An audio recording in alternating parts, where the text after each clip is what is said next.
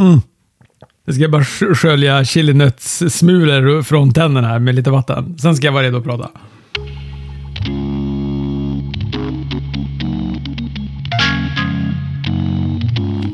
När man är vegan och går på en hockeymatch i Norrbotten. Det finns inte jättemycket utbud, tyvärr, i pausen att äta någonting.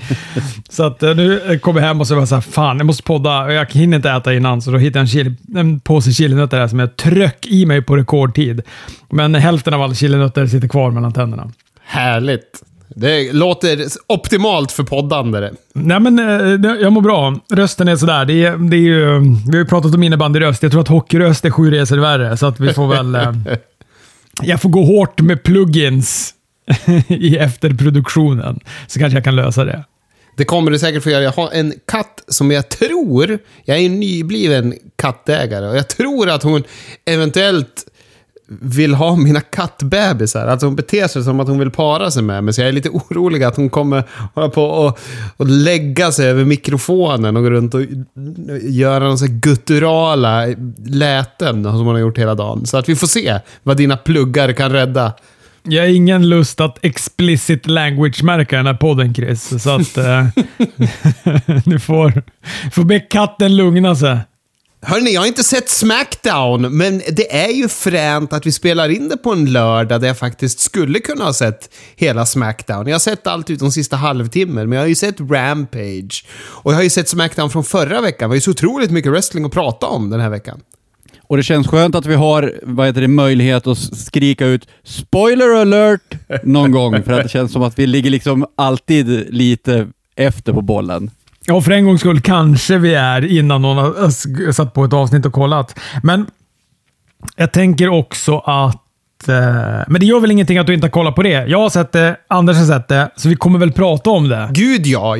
Jag har ju sett mycket av det. Jag tappade livsgnistan av att plöja det sista av det när det var Solo Sikoa mot Madcap Moss. Då kände jag att nah, det här behöver jag fan inte forcera ändå. Ja, jag, var, jag är av en annan åsikt. Jag tyckte att det där Smackdownet var riktigt, riktigt bra. Jag tycker att Smackdownet veckan innan också var väldigt bra. Där, det enda som jag störde mig på där var väl möjligtvis då att de tryckte in det svartvita...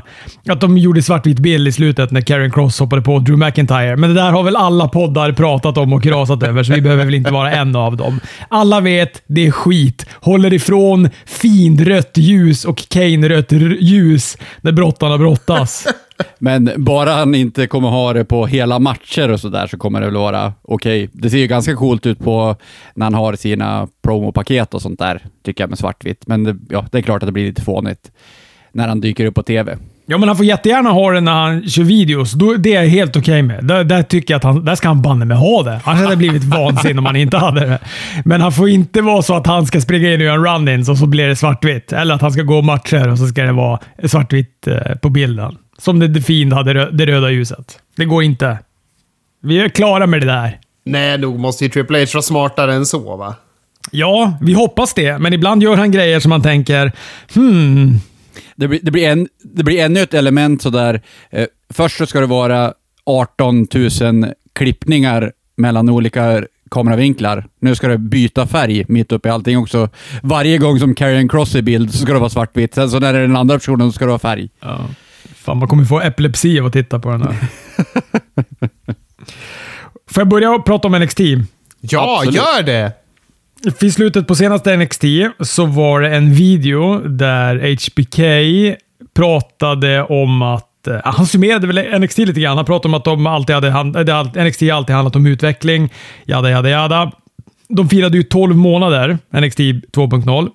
Hade en massa videos som sammanfattade året under den här episodens eh, gång. Väldigt bra videos. Produkten har ju varit 83% skit de senaste 12 månaderna. Men när jag tittar på den här videon och de sammanfattar de senaste 12 månaderna tänker jag jävlar vad bra det har varit ändå. Så de är duktiga på det där. De snickrar ihop videopaketen. Snyggt. Eh, Men eh, sen avslutades då med att Eh, de visade upp en NXT-loggan fast de tvättade bort då de här färg, eh, de olika färgerna och så blev den svart och guld istället. Färgbomben var borta. 2.0 var borta och så sa Shawn Michaels “We are NXT”. Jag har fan gåshud på det alltså. Ja, riktigt kung ja. Riktigt jävla fränt. Sen la Biff Music ut en bild på NXT-loggan också, så nu är allting räddat snart. Takeover tillbaka också. Nästa special heter ju Halloween Havoc Takeover. Ja, så jävla kung. Så att han, man märker att han är... Han var stolt över det där han hade, som Vince McMahon sen kom och raserade. Och nu ska han fan bygga upp det igen. Med rätta. Jag tycker att, och jag tycker att den här, eh, återigen, det är som att jag börjar titta på NXT med andra ögon, men jag tycker att den här episoden var bra. Öppnade med en match mellan Pretty Deadly och Creeds i stålbur Ah, är ju så svag för Pretty Deadly. Alltså, jag tycker ju de är så bra och det är inte bara kanske nödvändigtvis att de är så bra brottare, men de är så, de är så mycket wrestling för mig. Deras karaktärer är, jag skrev till det i den här chatten, jag tycker att det är som en blandning mellan Beverly Brothers, Hardys och Young Bucks. Bara då gimmickmässigt i alla fall. Och fan, tioåriga jag hade älskat eh, Pretty Deadly. Älskat. Det är skönt att vuxna du älskar dem också, så cirkeln är fan sluten även där. Nej, men jag har ju bara sett Pretty Deadly på eh, den här Worlds Collide. Det är enda gången jag har sett dem. Vi har pratat om dem i podden, jag blandade ihop dem med Toxic Attraction i podden. Men när jag såg dem så kände jag, likt du Robert, jag vart också helt bara, är det här det är ju magi. Bara hur de för sig och hur de ser ut. Det är wrestling. Och så Solo Sikoa gick och plockade hem North American-bältet av Carmelo Hayes. Så det var ju mer guld till Bloodline. Det här såg ju ni sen när ni kollade på eh, Smackdown. Men jag tyckte det var väldigt, väldigt fränt när han tog titeln. Och publiken där, eh, det, det är som att han, det var som att The Rock kom till NXT. Var, han, var, var han borta en vecka från NXT för att vara lite på National TV och sen kom tillbaka? Vet, folk gick bananas när han kom in. Och sen som sagt att de har en NXT North American titelmatch på Smackdown också. Som sagt, det är Nu skönt. är det the third brand igen. Precis. Ja, för visst känns det väldigt eh, Ring of Honor-rikt på AEW. Alltså, du vet att de gör lite samma sak. Ja, absolut. Ja, verkligen. Och så debuterade de också Quincy Elliott. Jag vet inte om ni kände till honom. Nej. Det är det är- väldigt mycket Goldust-karaktär. Han, han kallar sig Superdiva, är oerhört flamboyant i sin framtoning. Har typ samma dräkt, fast andra färger och lite slappare, för han är ganska så mycket större än vad Goldust var när Goldust var som störst. Så att han är mer typ Flash Funk än Goldust i dräkten, men väldigt mycket Goldust i brottningen. Det var jobbigt när den var slapp på Dustin, den där dräkten. Det är ju inte en bra lukt. Nej, och den här Quincy Jones, eh, nej förlåt, Quincy Elliots, vad fan är Quincy Jones? Det är, är det han? Nej, det är Casey Jones som är den här galningen i Turtles med hockeymask och klubba va? Quincy, jajamän, Quincy Jones, det är väl en eh, producent det. Just det. Ja, men jag tyckte att han var ganska spännande den här. Jag är ju lite svag för de här flamboyanta karaktärerna. Jag tycker det är uppfriskande med dem. Så att jag, jag direkt så kände jag att den här Quincy Elliot, han faller mig i, i smaken. Ja, härligt. Det låter ju lite som att man kommer behöva titta på NXT framgent. Vi plöjde ju det, vi pratade ju om det varje vecka i början. När, när, vi, när den här podden var i sin linda, när en podd om wrestling var ny och eh, vi två knappt kände varandra. Då pratade vi NXT varje vecka och spydde galla över Dexter Loomis. ja, och, och lite anade vi att det kunde bli sämre och då vägrade vi prata om det längre. Men, nej, men jag, jag, jag är faktiskt väldigt, väldigt taggad på NXT också. Nu blir man ju ännu mer sugen då när det ska bli det här svarta guld-brandet. Det ska bli spännande att se vad han ska göra av det. Och Jag vet att nästa avsnitt är bandat, så då kanske fortfarande är färgbomben eller någon sån, någon sån transaktionsfas. Urtvättade färger eller någonting. De håller på att svärta ner det. Men men det var ju väldigt mycket tittare. 728 000 har jag skrivit upp här. Det är bästa siffran, sen, eller det är bästa siffran under 2022 på NXT. Men det känns som att hela wrestlingbranschen är het just nu. Eh, AEW har ju de bästa tittarsiffrorna på länge, känns det som. De har de bästa tittarsiffrorna sen 2021. Har de. de har inte haft fyra veckor med över en miljon sen 2021 någon gång. Så att det är definitivt bra tittarsiffror i AEW också. Och precis som du säger så verkar det som att branschen är stekhet just nu. Precis. Raw är ju också över två miljoner igen och eh, Smackdown har ju också ökat så att de var på 2,3 miljoner eller någonting tror jag senast här. Så att det är hett. Jag kollade här nu. Dynamite 1, 1 175 000 tittare. Jaha, och då är inga stjärnor med. Eller vad man ska säga. De var inte under miljonen någon gång under hela showen. Exakt. Och när jag säger inga stjärnor, det är självklart att stjärnor med. Det var ju vad heter det, Brian Danielson och Chris Jericho och Moxley och MJF och så. Men de hade inte Punk och de hade inte Bucks och de hade inte Kenny Omega. Utan det var... Det är det AEW som folk bara åh nej, nu kommer de gå under. Men de bara krossar i tittarsiffror istället. Ja, det är spännande. Britt Baker, Serena Deeb mot Tony Storm och Athena var det som tog mest stryk. Då var de som lägst, men fortfarande över en miljon. Ja, nej, men som sagt, det är, det är superhett nu. Jag tänker att Dynamite, eller AW generellt, kanske har ganska bra tittarsiffror också på grund av allt som har hänt kring CM Punk. Eller? Självklart. Ja, det började, det började väl där lite grann, men sen som sagt, eh, Triple H-effekten på Raw och Smackdown också. Och då har det väl satt fart lite grann på eh, hela tittarskaran känns det som. Det, om det blir roligt med wrestling igen, så då kanske man börjar titta på flera plan liksom. Jag tänker mig att vi har ju haft två otroliga bomber ändå som har briserat efter varandra. Vi har ju haft Vince McMahon som har gått i pension.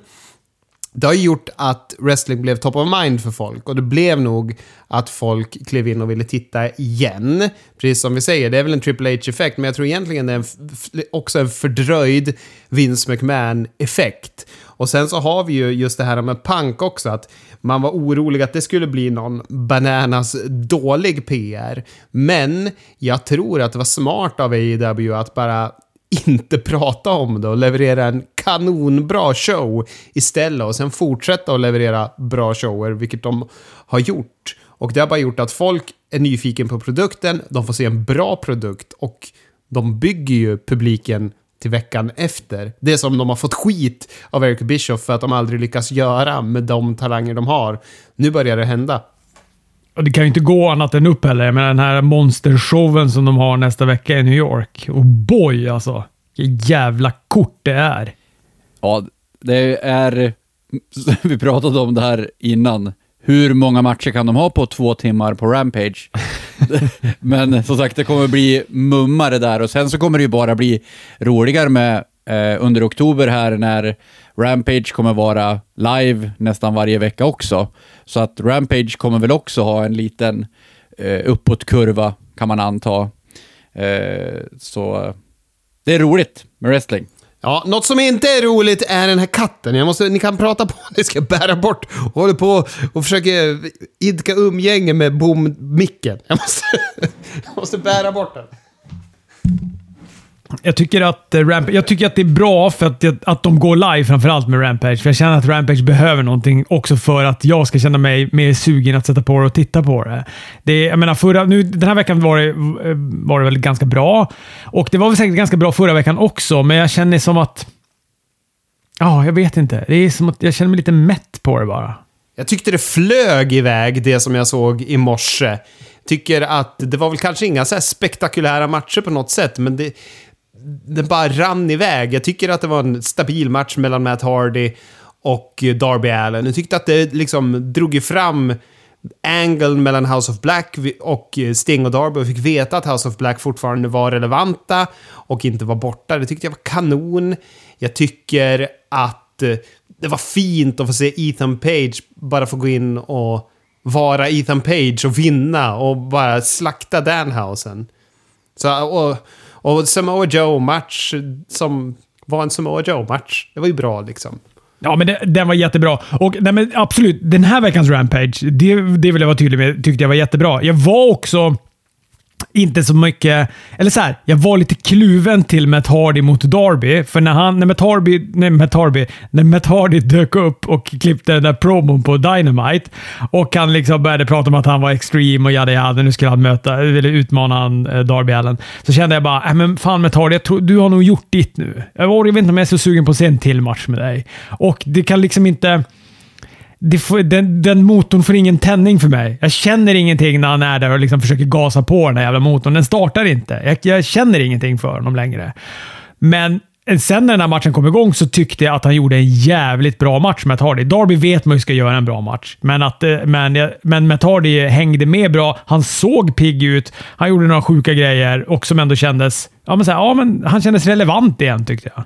Jag håller med. Jag håller med. Jättekul att han fick, eh, fick göra en, en bra match. Jag kände lika också så här. Men så där kan jag känna ibland i AEW. Bara, vad fan ska jag se en Dustin Rhodes-match för? Och så bara, ja men det är den här anledningen jag ska se den för. För att matchen blir bra. Han kan ju. Är det inte lite oroväckande dock att han involveras i den här House of Black-angeln. Eh, vi, vi, vi, diskuterade vem som skulle vara chefen i House of Black. Kommer det vara Matt Hardy som smyges in i den rollen? Ja, men jag, jag, tror att det till och med var du, Anders, som planterade det där fröet förra veckan. så att, när... Nej, det var ju, det var ju jag tyvärr. Ja, det var Okej, okay, förlåt Chris. Så, okay. ja, men, så att när det... Ja, då, då, tyvärr då Chris, så fick Anders all... Eh, han fick även all eh, uppmärksamhet när jag kollade på det här avsnittet. För när det släcktes ner, när Metadi stod där äh, och det tändes och Julia Hart och Brody King stod i ringen, så skrek jag “Anders!” rakt ut. Jag tänkte som att helvete, nu har de lyssnat på dig. Du får liksom inte babbla om de här grejerna, för då kommer det bli sant. För jag vill verkligen inte se Matt Hardy ens i närheten av House of Black. Nej, det, det är lite oroväckande. Men eh, Chris Jericho mot Claudio om Ring of Warner-titeln. Vore det inte fränt om Jericho tog den där? Jo, det vore det. Det vore jättehärligt, tycker jag. Mm, ja. ja. Ventilera nu, Anders. Ventilera. Du är bland vänner. Ja, men eh, ja, jag känner att det eh, skulle vara ett sånt kliv ner för Jericho och jag känner att det eh, är så långt ifrån vad jag vill ha en Ring of Honor-titel på, på något sätt. Eh. Han är ju ett stort namn och det känns ju som superbra. Speciellt om de ska lansera någon tv-grej och sådär. Och så kliver de in med Jericho som mästare. Och jag tyckte också det var härligt när han sa att han ville göra en kaduppel, eller vad fan han nu kallade det. en ocho! Ja, en ocho, ja. Precis. Ocho, den åttonde titeln. Eh, nej, men jag känner att eh, jag vet inte riktigt, eh, det ger bara en fadd smak på något sätt. Jag känner att då blir det bara en prop titeln. Det är ju bara en prop, men det... Är, genom att det blir ett sånt kliv ner för han så känner jag att det, då är det ingen seger och då känner jag att äh, det är nog för att det är väl bara för att han ska vara en sports entertainer och då blir det så här jävligt med att han ska ha en wrestling eh, titel. Just det. The wrestling-titel också nästan. Ja, men precis. Precis, det är det jag menar. Ja, det är kul. Men det beror, som sagt, det beror lite på vad de tänker göra med Ring of Warner. Är det i närheten av att lanseras någonting extra med Ring of Warner, då tycker jag att det känns ändå relevant att sätta den på Jericho.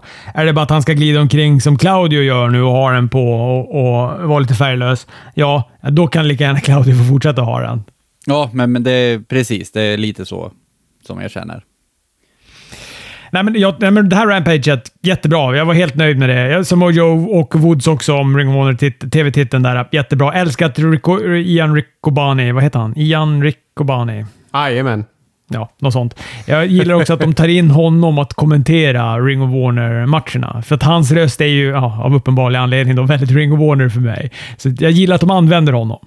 Jag tycker det är skönt att Jericho dock blev förbannad att han inte var Caprice den här veckan. Att han blev förvirrad. Att det kom in olika människor och sitter med honom hela tiden.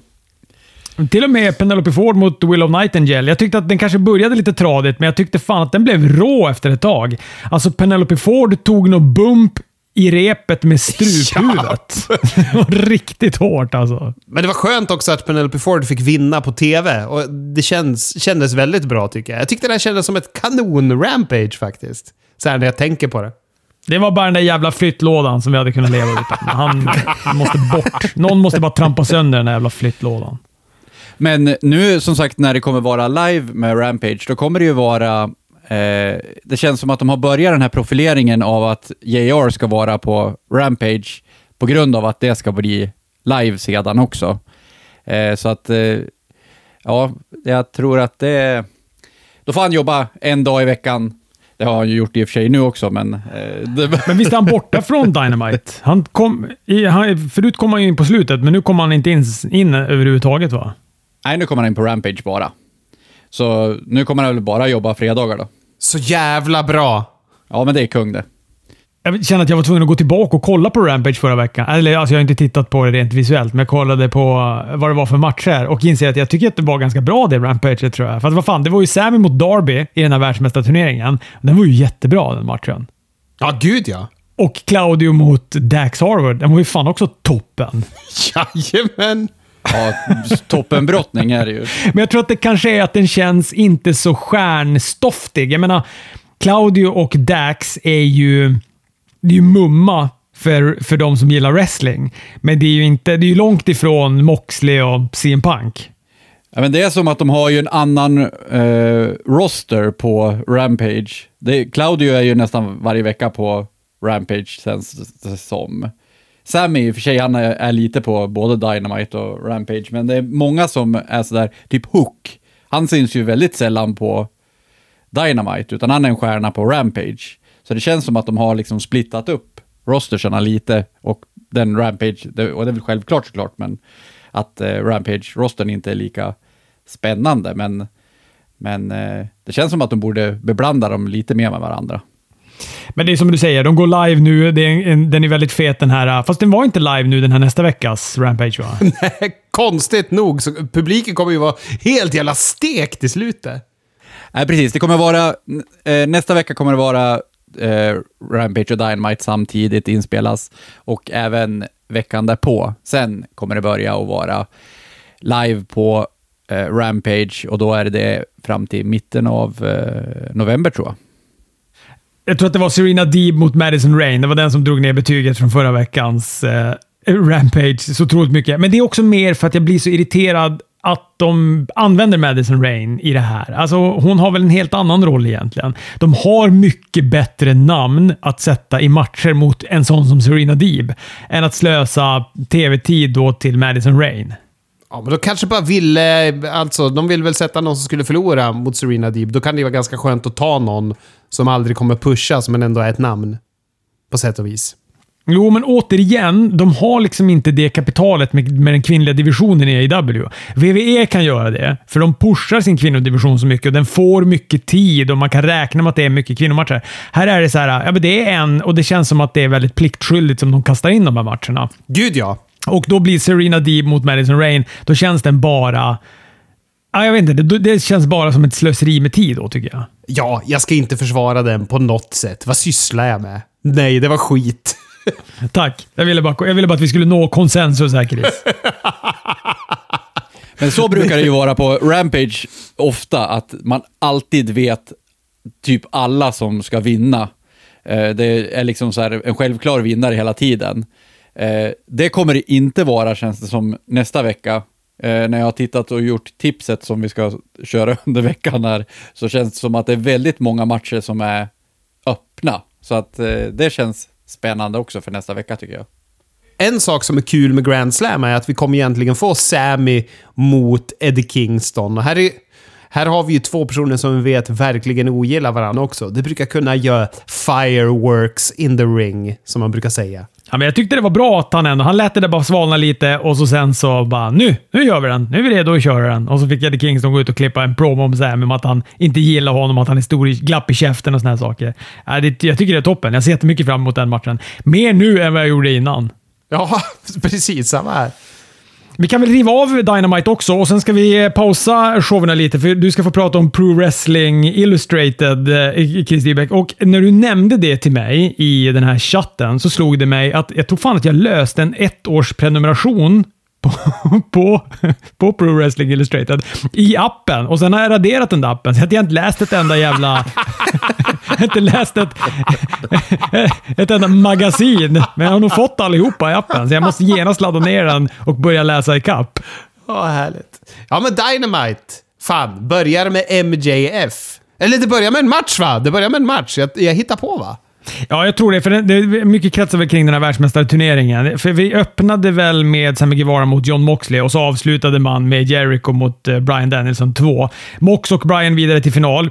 Ganska väntat. Båda matcherna tyckte jag var toppen. Framförallt eh, Brian Danielson mot Jericho 2. Mycket, mycket bättre än det förra mötet de gjorde. Den här tyckte jag hade ett bättre tempo, den kändes tajtare. Eh, jag, den var jag jätte, jätteförtjust i. Stormförtjust var jag i den matchen. Ja, gud ja. Gud ja. Väldigt bra. Jag tycker det var så roligt också att det avslutades med att Daniel Garcia stod och gav tummen upp alldeles nöjt backstage. Men efter Mox mot Sammy, då klev MJF in. De, de peggade ju upp för det innan de gick på break också. Att han kommer prata efter reklampausen. De vet ju att han drar tittarsiffror. Jag blir också lite så här, för att han... Han nämner, det är väl mest Moxley han ger sig på. Han pratar inte så mycket om Brian Danielson va? Nej, men de muckade ju förra veckan. Då kom ju Moxley in och avbröt honom. Så det känns ju självklart att det är han han ska mucka med. Ja, men det stör mig, för jag vill inte att Moxley vinner titeln. Jag vill att Brian Danielson vinner tip, tip, titeln. Mycket för att jag har tippat det, men också för att jag inte vill att Moxley ska vara en sån mästare som de hänger tillbaka titeln på för att han sen ska tappa den till MJF lika fort. Jag tror att eh, Brian Danielson tar titeln faktiskt. Ja, jag tror också det. Jag är inne på det spåret och att han och MJF då kanske får en, en fade lite längre fram. Då kanske han först, MJF ska först göra den här grejen med Moxley. Det där ska utageras och sen går han omkring och har det här jävla på, gigantiska pokerchippet. Och så sen kan han då lösa in den mot Brian Danielson och tar den förmodligen av Brian Danielson. Då. Jag misstänker ändå att, det, som sagt, det är åtta matcher annonsade för Rampage och det är bara fem matcher som är annonsade för Dynamite. Så att det känns som att på Dynamite har de lite tid, och nog för att den kan ju vara en timme, den matchen såklart. Men jag känner ändå att jag tror att Moxley kommer vinna och att MJF kommer casha in det där chippet och sen så kommer han typ skada Moxley på något sätt eller få bort honom ifrån tv så att han får åka och fiska i sina sex veckor som var planerat sedan innan. Eh, och sen kan han komma tillbaka så kan det vara deras fade då. Eh, så jag tror att det kommer avslutas med MGF med armarna i skyn på Queens. Kommer han skicka in W. Morrissey för att sänka Moxley då? Är det det du tror? För vi har ju The Firm som kommer in här efter MJFs promo, eller typ mitt i den. Och han lämnar över stafettpinnen till Stokely Hathaway. Jo, men det är väl inte omöjligt. De sa att de inte skulle synas i ringen så mycket tillsammans, men om MGF kallade så fanns de ju där. Eh, så det är nog inte helt omöjligt att The Firm kommer in och ställer till något. Eh, men för övrigt, som sagt, eh, den här eh, deras declaration här, att vad de var ute efter, jag tycker att den var lite svag. Eh, jag tycker den var kung. Jag tycker den var svinbra. Jag ska förklara varför. För att de, de gör ju alla grejerna relevant här. De gör ju Pure-titeln relevant. De gör, vad heter det, den här äh, Pacific, North Atlantic, vad fan den heter. Den titeln All drar de in i Atlantic. TV. All Atlantic. De drar ju in den så den blir relevant. Och jag tänker, och även tag team-titlarna då, med, vad heter det, Assboys. Och jag tänker att om det skulle vara en riktig sport, om vi säger att det skulle vara MMA, de, det är ju inte alla som krigar efter samma titlar. Man måste ju gå efter olika titlar och de måste ju bygga att någon vill ha Pax titel, så den är inte bara ett bälte som han försvarar när han går matcher. Så då tycker jag det är skönt att man sätter att någon faktiskt vill ha den. Han vill ha den för den här representerar ju de olika länderna. Då vill vi att Ethan Page ska ha den. Jag tycker det är ett snyggt sätt att bygga det. Jag tycker det är bra att de sätter fokus på Ring of Honor-titlarna, både med Jericho och med Lee Moriarty här. Och sen Tag Team-titlarna såklart, de är ju redan relevanta. ja, jag vad heter det, känner fortfarande att det blir sådär att de sätter lite för låga mål för sig själv. De måste tro på sig själv mer än att de ska gå efter de tredje titlarna. Nej, men Eh, det de måste ju ändå förstå att det finns titlar som är mer värda. Ja, men det, eftersom det finns rankingsystem i teorin här. Jag tycker att det är rimligt och bra. Framförallt så tycker jag att man ska skina ljus på titlarna, likt Triple H gör på US och interkontinentaltiteln i WWE så pass bra.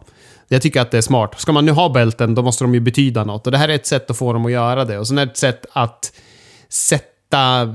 Ja, men även om det kanske skulle vara konstigt realistiskt att han inte säger att han ska bli, vill bli världsmästare, så blir det ändå relevant att veta vart någonstans kommer vi se de här röra sig i cardet också.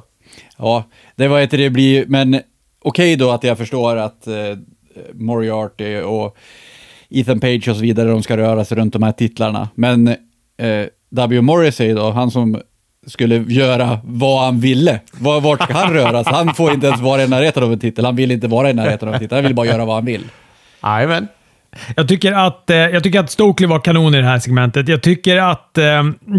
Jag, och jag hör Chris i det här läget. Jag, jag tyckte att det var, kändes ganska bra att de också höll på pinpoint de här olika titlarna. Men eh, Morrissey förstod jag ingenting av. Jag tyckte det var jättemärkligt. Han bara stod där och såg stel ut. Stokely höll på att krama honom och säga att han älskade honom och blev sen frustrerad när han, inte- när han inte fick någon återkoppling på sina känsloyttringar. Jag vet att du hör mig, började han liksom säga till W. Morrissey som stod där och bara såg, bara stirrade. Jag fattar ingenting av vad han gjorde. Det var väl lite improvisation av Stokely. Han är ju en känd skojare, för han försökte nog få Morrissey att och, och, eh, börja skratta. Det kändes verkligen som att han jävlades bara när han gjorde den biten. Det var Tony Khan och Okada-kramen. Japp, japp. Ja, det var det verkligen. Ja, det är den bästa kramen. Det är den bästa kramen. Men jag tycker också att, vad heter det, man kan ju tycka att den här promon kanske var lång och att den var väldigt så här informationstung. Men jag tycker att det är bra att de drar av plåstret. För nu har de liksom blåst ett tv-segment på att det här är vi, det här etablerar vi. Vi är en faktion, men vi är inte riktigt en faktion. Jag är manager åt de här, de kommer jaga de här titlarna. Det här är the firm. Och då har vi liksom fått det överstökat och vi vet vad det är. Vi har satt upp spelreglerna. Allt är kirrat och klart. Då kan man blåsa ett segment på det tycker jag. Så jag tycker att det var, var bra, även fast det liksom blev lite mycket exposition. Liksom. Annars hade vi Hobbs och Starks. Fortsätter sin fade. Helt okej för mig. Jag tycker ju Starks är toppen. Han glider ner här i publiken. Folket älskar ju Ricky Starks. Älskar ju honom. Och sen gör han lilla The Rock-ögonbrynshöjningen där i slutet också i ringen innan han gör sin grekiska statyposering som han har, för sig. Ah, toppen. Han måste vinna den matchen. Han måste vinna med Powerhouse Hobbs Ja. nästa gång de går. Ja, det måste han. Jag tror att det kommer, den här gången tror jag faktiskt på Hobbs igen. Och att det kommer vara en tredje gång som de... Jag tror inte det kommer ta slut än. Och så får han vinna den tredje då, eller? Ja. Ja, ja. Jag tyckte också om tag team-matchen. Britt Baker och Serena Deeb mot eh, Tony Storm och eh, Athena. Eh, Heelsen vann, vilket eh, var eh, lite förvånande ändå. Va? Vi var väl ganska stensäkra på att det var face, facen som skulle vinna här. ja. Och efter så slår ju då Baker på Tony Storm med stol när Jamie Hater kommer in. Alla tror ju här då att hon ska hjälpa Tony Storm när hon sliter stolen ur händerna på Britt Baker. Men istället sätter hon den då i ryggslutet på Tony Storm, men fortsätter ändå tjafsa med Britt Baker. Jag tyckte det var snyggt eh, liksom dribblat med mig. Absolut. Väldigt bra hanterat. Fan, Jamie Hater, hon är ju på, på gränsen att bli en stjärna nu. Hon kommer att vara som tar Jade Cargill sen tror jag. Tror du det? Hon kommer att byggas upp för att ta Jade Cargill sen, ja. Det tror jag. Coolt. Hoppas. Vem blir Jade Cargill om hon inte har kvar den där titeln? Ja, men jag tror ändå att hon kommer vara eh, en stjärna. Eh, hon eh, har för mycket karisma för att inte vara det, men som sagt, eh, hon, blir, hon blir lite avkapad när hon inte har titeln, så är det såklart. Men jag tror ändå att det, det börjar bli dags att och låta henne prova sina vingar utan titeln. Men vem är det som kommer komma på Grand Slam då? Jag ihop med hon, eh, vad är det hon heter? Diamante. Diamante. Hon drog något postnummer. Postkodsnummer här va? Visst gjorde hon det? Miami.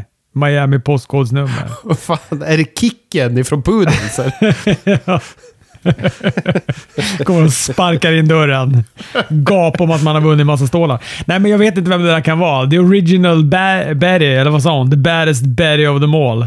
ja, något sånt. Jag har ingen aning om vem det kan vara. Förbered dig på att bli besviken.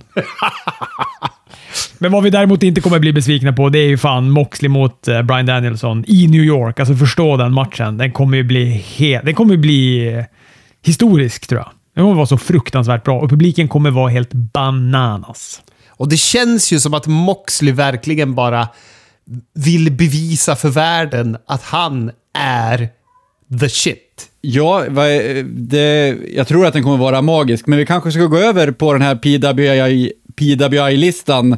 För det har ju varit lite diskussion kring Moxley och hans vara och icke vara på topp 10. Eh, han är inte på topp 10 har jag förstått det som.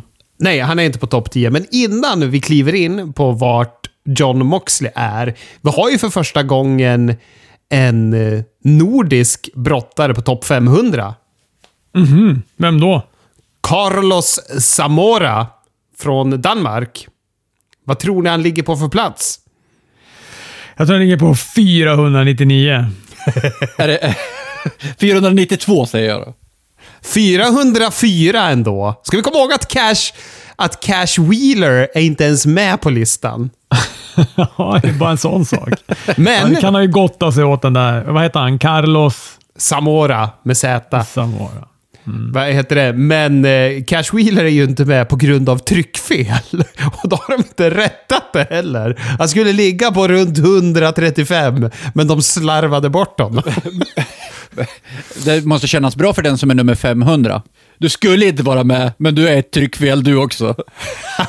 Men nummer 500 brukar ju alltid vara någon sån här gimmick-brottare. Alltså, de, de eh, brukar ju sätta någon rolig som nummer 500. Men topp 10 då? Jag har tid. Jag har ganska bra med tid, Chris. Du kan väl ta hela listan? Topp 10, där har vi i alla fall Roman Reigns, Okada, Punk, Hangman Adam Page, Bobby Lashley, Cody Rhodes, Brian Danielson, El Hijo Del. Heter han bara El Hijo Del? Han måste heta, heta något mer. Viking och va? Ingen aning. De har tagit bort det här på den här listan jag har. Sen Bi- Big E och sen Gresham. Det är ju topp 10. Och vi hör ju att Moxley inte är med. Han kommer Han är först inte ens på... med på topp 10. Nej, han kommer först på plats nummer 12. Han är efter, vad heter det, Shingo Takagi också. Vad är det för pajaslista det där? Ja, vad är det för pajaslista? Nu, nu kommer inte du installera den där appen. Nej, inte en chans. Den är ju lite speciell den här listan. Det roliga är att alla wrestlare kikar ju på den. De kan låtsas så mycket de vill att de inte kikar på den, men nog fan sitter de och väntar på att den här listan ska släppas. Och de gör den ju, jag tror att jag pratade om det här förut också i podden, men de gör den ju lite som om wrestling skulle vara en shoot. De kollar ju hur mycket vinster och förluster man har också. Och vilka man har vinster emot. Så att det är skitsamma om man är superöver. Typ Rick Flair som förlorar alla matcher utom en hela tiden i sina fejder. Typ. Han skulle ju komma långt ner på grund av det. Eller i alla fall inte i toppen. Eh, Så att den har ju sina problem. Man kan ju inte hantera en wrestling top 500 som om det vore en shootsport kan man tycka. Men är den bara baserad på det? Eller är det en del Nej, av... nej, nej. Det är ju en del av det. Sen är det ju hur väl man utför det. Men jag menar, det är väl ingen som tycker att Bobby Lashley är den femte bästa brottaren i världen. Sannerligen inte. Nej. Nej. Och vad heter det, även där så känns det ju som att Moxley skulle vara på topp 10 för att han hade ju inte förlorat en singelmatch under hela sin karriär typ i AW. Man hade bara gått sju stycken tror jag, eller någonting. Jaha, det är där antalet då istället. Men det känns ju som att han brottas varje vecka nu, men det var ju kanske förra året det här då. Men... Jag kommer inte ihåg när review-perioden är, eh, faktiskt. Men jag vet inte riktigt om man kan säga så mycket mer än just det där. Man skulle kunna sitta och gissa vart olika brottare är, men jag vet inte hur roligt material det är. Men man kan ju säga att Will Osprey, han är ju, han är ju sämre än Braun Breaker enligt den här listan. När det kommer till, till brottare. Så den har ju sina problem. De ligger på plats 26 och 27. ligger de. Kunde du någonting om något tv-bråk du, eh, Anders? Eller det var inte tv-bråk, det handlade om någon ihopslagning. Ja, precis. Eh, Warner och Discovery håller ju på att gå ihop nu. Eh, eller de har ju gjort någon slags fusion av sitt, sina företag. Eh, nu under veckan så har det ju börjat, eh, det var Hollywood Insider eller Hollywood Reporter eller någonting, som hade börjat prata om att eh, det var en merger på gång mellan eh, Warner Brothers och NBC Universal. Och här börjar det bli lite mer intressant. Det har ju varit snack tidigare om att Warner Brothers har ganska kast med pengar och eh, därigenom så kommer det bli ganska in intressant med eh, den nya tv-dealen med AEW. Men nu, som sagt, den här eh, sammanslagningen som de pratar om nu, det blir ju mellan eh, det som har AEW idag och NBC har ju Monday Night Raw. Eh, och då skulle det bli ytterligare besvär kanske för den här eh, tv-dealen som faktiskt, AWs tv-deal går ju faktiskt ut 2020, eller 2024 också. På WrestleNomics, då pratade, eller inte på WrestleNomics, men snubben som hade, Brandon Thurston eller vad han heter, han sa att wrestlingfans och wrestlingreportrar tänker väldigt snävt i tv-frågan. För det finns inget tv-bolag i världen som bryr sig om det är wrestling eller om det är bordshockey. För de är ju, vad säljer vi för reklam? Vad har vi för tittarsiffror? Skitsamma om det är samma sak. För om det drar tittare så är det relevant och värt att ha på tv. Så att när man håller på och jämför, hur går det för WWE kontra... Fan, håller katten på Jag ska ligga med min mikrofon igen. Jag måste flytta på den. nej, nej, men om man håller på... Det är ju kittlande att jämföra WWE och eh, AEW och kolla deras tittarsiffror. Men det skiter ju tv-bolagen fullständigt i. De jämför ju WWE och AEW med tv-program. Det är det enda de bryr sig i. De skiter i om det slår det andra wrestlingprogrammet. För dem är det irrelevant.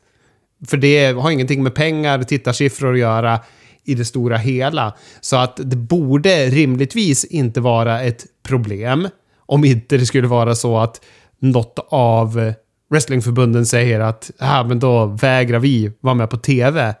Men det gör de ju inte heller. Ja, men skulle inte WWE kunna göra en sån sak? Skulle inte de kunna vägra för att AW är på samma, samma kanal? Då skulle de ju erkänna att de är competition och det säger de ju att de inte är. Nej, då har du för sig rätt i. Men tror ni inte att WWE skulle vara intresserade av att lyfta över Raw också till Fox? Självklart. Det tror jag skulle kunna vara intressant för dem. Eh, och jag tänker också att även om det inte skulle vara någon av förbunden som säger emot så kanske det inte skulle vara, om det är samma chefer inom NBC och Warner, om det slås ihop liksom, så kanske inte cheferna är så intresserade över att ha så mycket eh, wrestling ändå, även fast som du säger att det är ett tv-program ett tv-program, men de kanske ändå vill ha liksom en profil på något sätt som inte bara är wrestling. Det, det han sa också, den här eh, Brandon Thurston, det är att han tror att AW kommer få fem gånger pengarna mot för sitt nuvarande deal när de förhandlar om. Med de som kommer buda på det. Och vilka det kommer vara, det hade han ingen aning om. Det är inte säkert det behöver vara just Warner som, som är på det, utan det här är ju, det drar så pass mycket tittarsiffror och är så värdefullt, både WWEs program framförallt, men även AEW, att tv-bolagen skriker ju efter sån content. Precis. Det är ju inte helt omöjligt att de har flyttat sig ifrån det här eh, paraplyet eh, redan när, om det blir av en sån här sammanslagning. Så att det är ju spekulativt, spekulativt än, än så länge allting. De får, inte på, de får inte påbörja den här sammanslagningen genom att de håller på med den här sammanslagningen med Discovery nu, så får de inte påbörja en ny eh, sammanslagning samtidigt, så att därigenom så var det först 2024 som det kunde börja diskuteras för en sån sammanslagning. Då. Och vi ska ju komma ihåg att Paul Heyman hävdar att eh, WWE satte stopp för ECW TV. Alltså hotade networksen. Hörni, låt oss prata lite om VVE också. Vi har haft eh, två Smackdown och ett Raw. Vi, vi, eh, vi behöver kanske inte grotta oss ner så mycket i förra veckans Smackdown. Det känns roligare att prata om det nya, för det är så fräscht och jag har precis sett det och minns det mycket bättre. Men jag minns att förra veckans Smackdown att jag blev väldigt glad att Imperium var tillbaka. Alltså som verkligen som Imperium. De fick ju till och med heta Imperium och hade nästan kvar sin gamla låt. Den började med sån där härlig eh, tysk marschtakt, men sen så gick den över till någon sorts rockopera istället. Men, eh, men eh, marschstråkarna inledningsvis i alla fall, det gjorde mig glad. Och så gillade jag Rich Holland, Seamus och Butch mötte ju då Eh, mötte ju då... Vad fan, vilka var det de mötte? Ja, precis. Bra, Brawling Brutes mot Imperium var det. Ja, de mötte Imperium. Förlåt. Ja, exakt så ja. Och det jag gillade med det var ju att publiken var så jävla heta på att få se Günther mot Sheamus igen. Fatta vad den matchen gjorde avtryck på deras Cardiff skitslutsgala. Ja, ah, gud ja. Jag, ty jag tycker dock det, det var väldigt eh, intressant eh, kamerarbete i den här. Eh, de, när Günther var inne och var emot eh, Pete Dunn så filmade de mycket på Seamus Butch, om jag får be Anders. Butch. Och, ber om ursäkt. Eh, han ser ut som Pete Dunn, han brottas som Pete Dunn, men han heter Butch. ja. eh, men eh, de filmade mycket på Seamus och då, hans blick sa så här, åh, eh, att han var typ orolig lite grann för för Butch när han skulle möta G Gunther.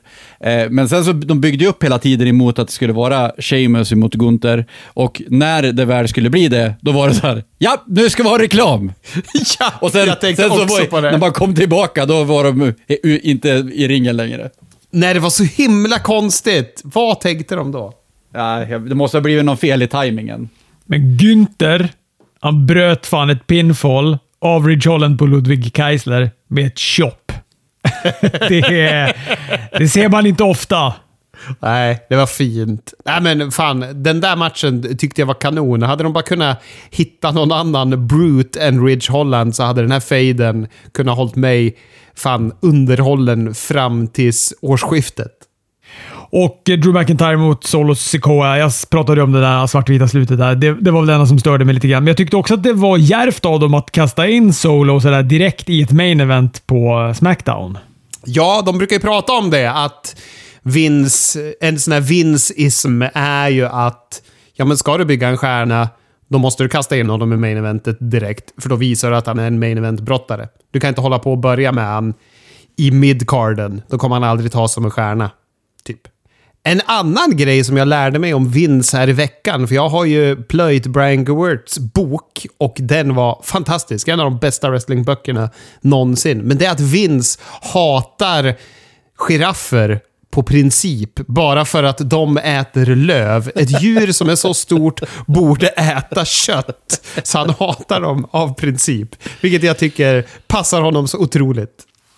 Eh, på Raw så fick vi, förutom en eh, pangöppnare till match mellan Matt Riddle och Finn Balor, nya tag team-mästare i och med Ding Dong Incorporation. Vad, de, vad är det de heter egentligen? Damage Control. Har de Damage Control. Ja. Men Ding Dong Incorporation är ett bättre namn. Ja. Men jag har lite svårt att förstå Men du, den... apropå det. Det här måste jag säga Robert. Att du och Brian Gewertz, ni måste ju samtidigt ha suttit och hejat på IRS. För det var en av hans favoritbrottare. För han tyckte det är självklart att man ska betala skatt. Det är ju rimligt. och då satt, när jag satt och plöjde den där boken tänkte jag, fan Robert och Brian Gewertz, ni, ni skulle älskat varandra tror jag. ja. ja, vad härligt. Det var apropå incorporation. Det var därför jag tänkte på det. Jag har lite, lite svårt att förstå omvägen som de tog här med Raquel Rodriguez. Alltså, det är väl att de då vill passa på att visa upp henne. Låta henne ha titeln i några veckor för att visa att hon är någon de räknar med. För jag menar den här Alia, det, hon var ju en statistroll i, i Raquel Rodriguez push. Gud ja. Och nu har Alia blivit skadad i storylinen som det verkade också på Smackdown här, eller, för nu är det Shotzi som ska hjälpa eh, Raquel. Ja, de tror nog inte riktigt på Alia. Nej, vem, vem gör det? Hon kom in samtidigt som Baron Corbin i NXT. Hon, hur länge har hon varit där? Hon är fortfarande grön. ja, men hon har blivit bra mycket bättre än Breaking Ground. Det måste man ge henne. Absolut, så är det.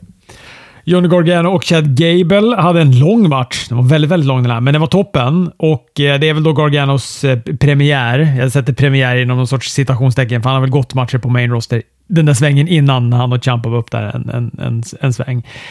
Och den här hade ju varit två minuter och det hade varit en squashmatch om det hade varit gammel VVE. Men eh, det här är fan en exemplarisk uppvisning av Triple H-eran, tycker jag. Jajamän. Att de får gå den här matchen, att den är på det här sättet och att den får ta så här mycket tid.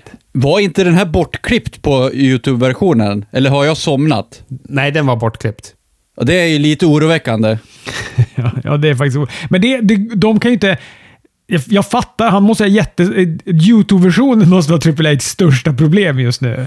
För att han har så...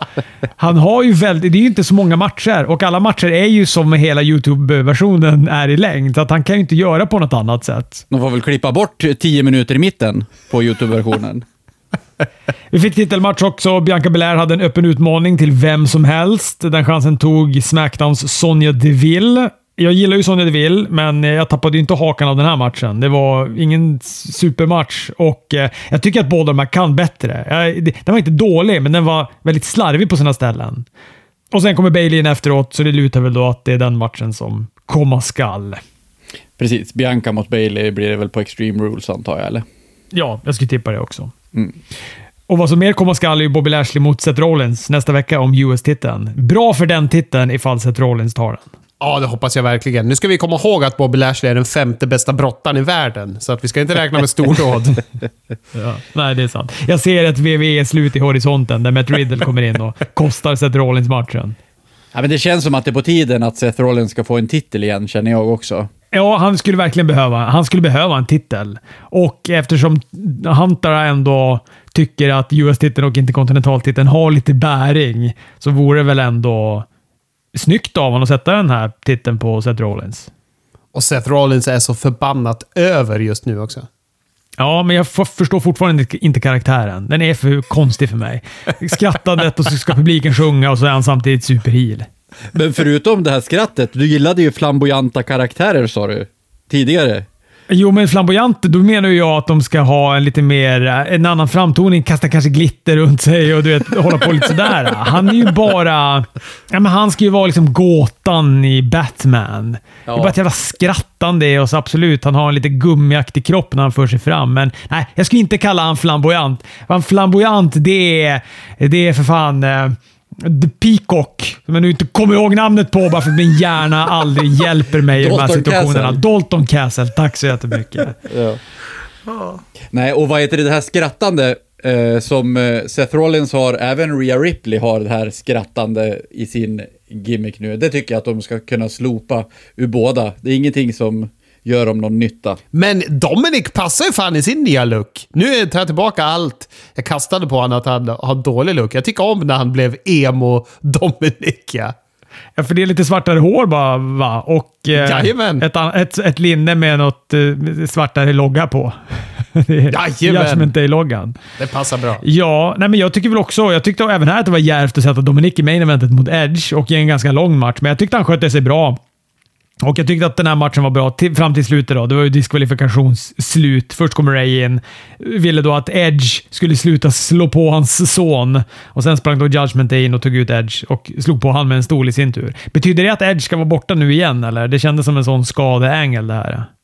Det är det som är eh, ängeln, angeln, att han ska vara borta. Jag tycker att det är konstigt att Edge ska vara borta. Den angeln blir lite snurrig där nu.